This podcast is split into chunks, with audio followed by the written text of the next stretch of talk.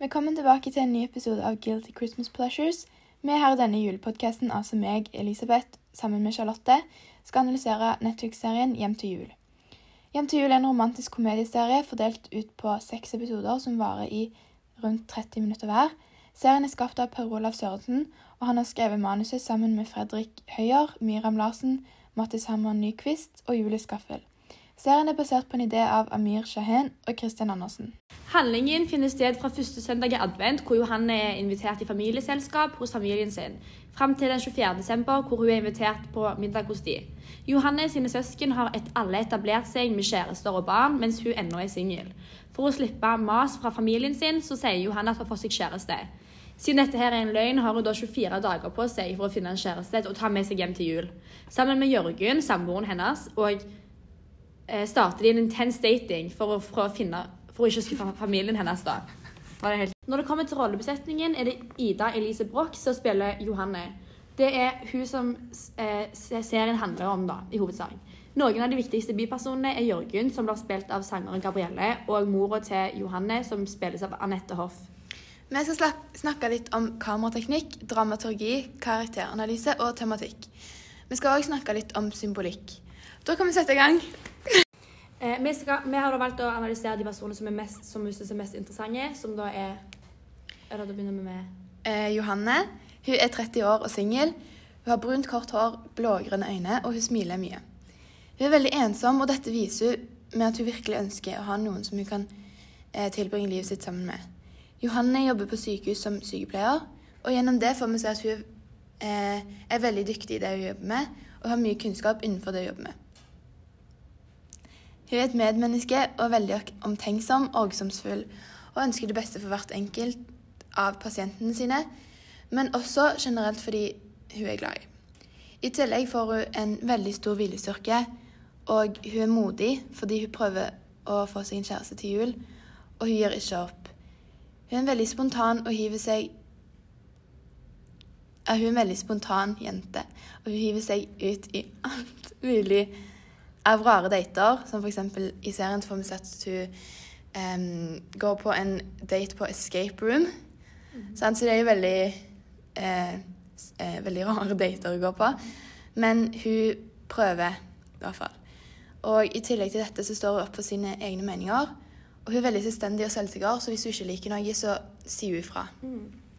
Eh, vi merker òg at hun har en ganske positiv utvikling i serien. Fordi hun starter som en ganske usikker person. Og det virker som at hun er ganske flau og at hun skammer seg over å være singel og alene.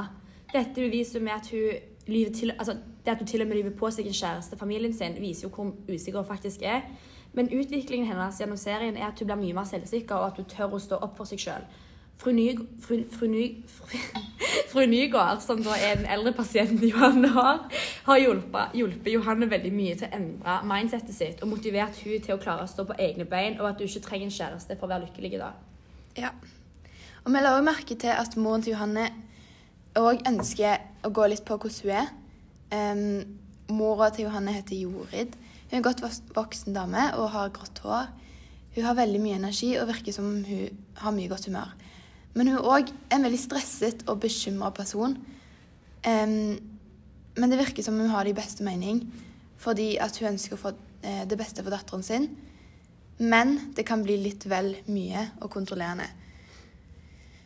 Um, dette kommer veldig fram når hun skaper dette presset for Johanne med å få seg kjæreste. Fordi at nesten alt hun snakker om, er hvordan eh, sivilstatusen til Johanne er, og spør alltid om det er noe nytt som har skjedd på kjærlighetsfronten.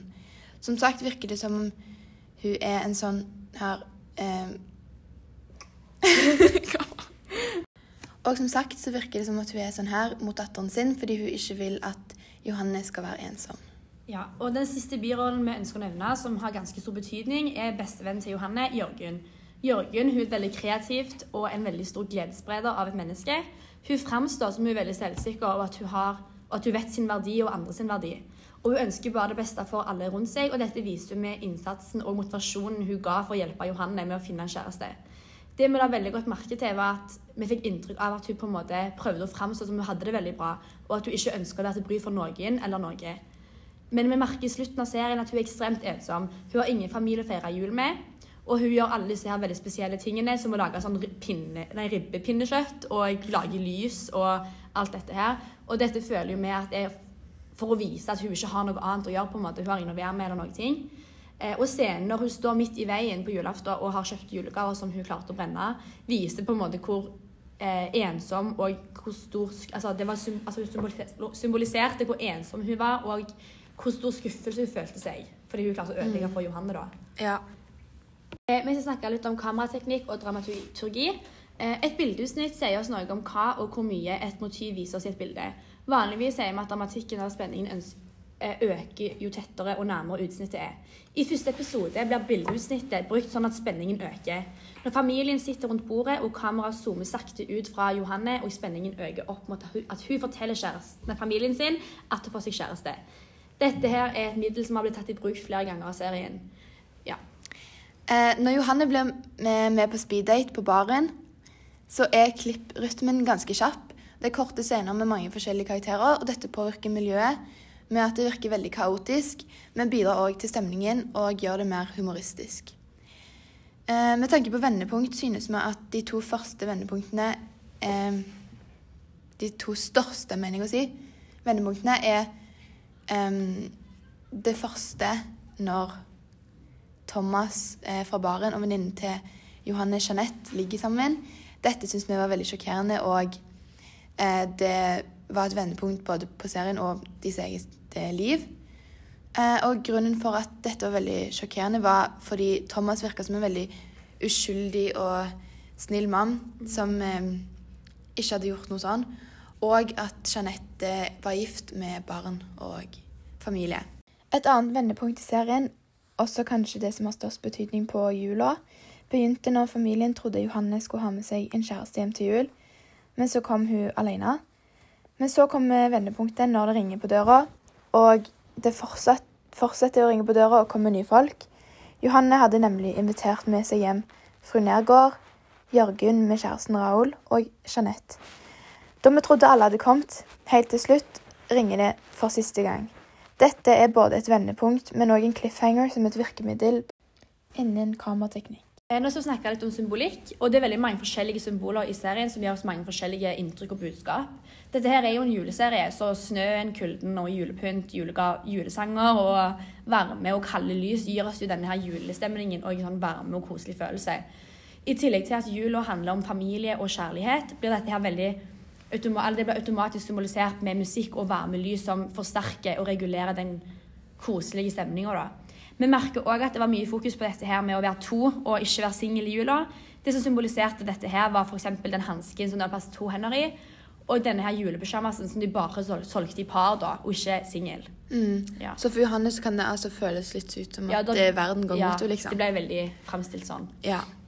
Og dette symboliserer presset på å ha en familie og en kjæreste, i tillegg til eh, ensomheten Johanne føler på. Noe som forsterker denne ensomheten, er triste og rolige sanger som ofte um, kommer når det har skjedd noe trist, og Johanne gråter. Eller ja, griner. Eh, og vi la spesielt merke til en sang som ble spilt gjentatte ganger gjennom hele serien, som var 'Years' av Astrid S. Og denne sangen handler om kjærlighetssorg, og det seg Og det å komme seg over noen som har betydd mye for en. Og eh, dette kan bety at Johanne ennå ikke har kommet over eksen sin, Christian. Og det er at det er ekstra vanskelig å glemme han. Um, spesielt i juletida, nå som han har fått en egen familie og barn. Em, fordi i denne sangen så synger hun at um, det kommer til å ta år før jeg uh, kommer over deg, da. Ja. Oversatt. Temaene i serien er hovedsakelig kjærlighet og jul, men òg ensomhet. Dette vises tydelig når vi får følge Johanne og hvordan følelsen hennes forsterkes i denne tiden.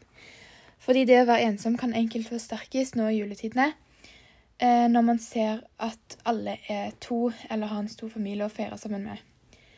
Det er òg mye fokus på press i denne serien, og det kommer godt fram når mora til Johanne eh, maste på at hun er 30 år gammel og ennå er singel, imens søsknene alle har fått seg familie.